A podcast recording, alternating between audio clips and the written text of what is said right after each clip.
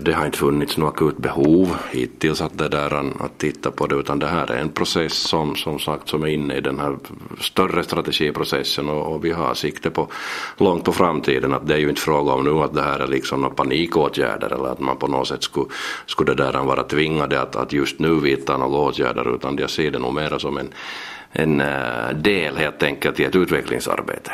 Och det säger kommundirektör Stefan Svenfors i Pedersöre. Till hösten ska alltså en utredning över dagvårds och skolnätet vara klar i Pedersöre och Pedersöre har under alla år satsat stort på sina skolor. Och det visar också kommunbarometerns siffror.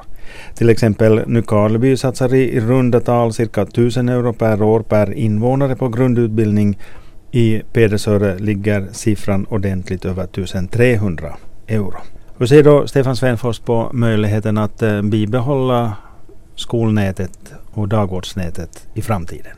Jag ser inte liksom några akuta problem eller några akuta bekymmer på det men det är alldeles klart att man måste ju också, också det där, ha den där beredskapen att titta på det och det är ju det som vi gör nu.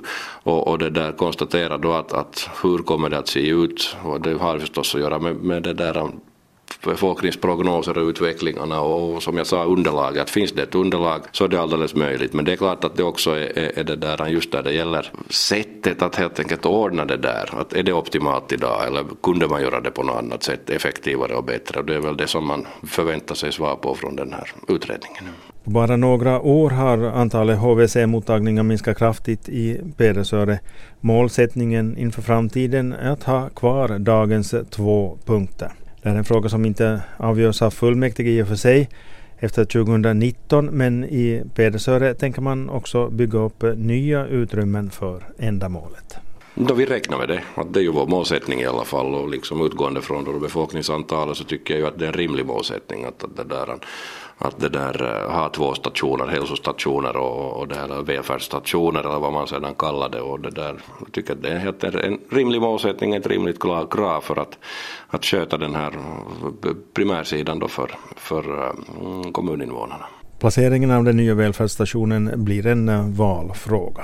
I dagens läge finns en station i Bennes. Tillfälligtvis eh, finns den andra i Kolby men eh, knappast för evigt. Var kommer då den nya att eh, placeras? No, de tankar som jag har så utgår nog ganska, ganska det där uh, krasst från uh, upptagningsområde om man säger på det sättet. Alltså var är det bästa stället att placera det då utgående från var finns, var finns invånarna och på vilket sätt fördelas det och hur, hur liksom kan man, kan man uh, fördela då avstånden så att det blir blir rimligt, rimligt avstånd då för, för alla. Och det är ju på det sättet den här geografiska placeringen tycker jag ska utgå från det var är det mest optimalt. Ja, och när man tittar på kartan och placerar nålen så var landar den då med välfärdsstationen? Ja, vi har ju sagt att det östra serviceområdet är det, är det, här, eh, det som är det optimala där så att du har en, en, en punkt som kunde då betjäna att från Lapp, Lepplax till, till Lappfors och så vidare delvis och också Kolby men, men Överesse och Ytteresse och i det området. Som summarum kan man eh, säga att det går bra för Persöre på många vis, inte minst när det gäller en låg arbetslöshet. Vi har ju haft alltså under de senaste åren en, en riktigt bra tillväxt här i kommunen och vi ligger ju faktiskt som ett av, av, eh, en, av, en av de kommunerna i landet som har den absolut lägsta arbetslösheten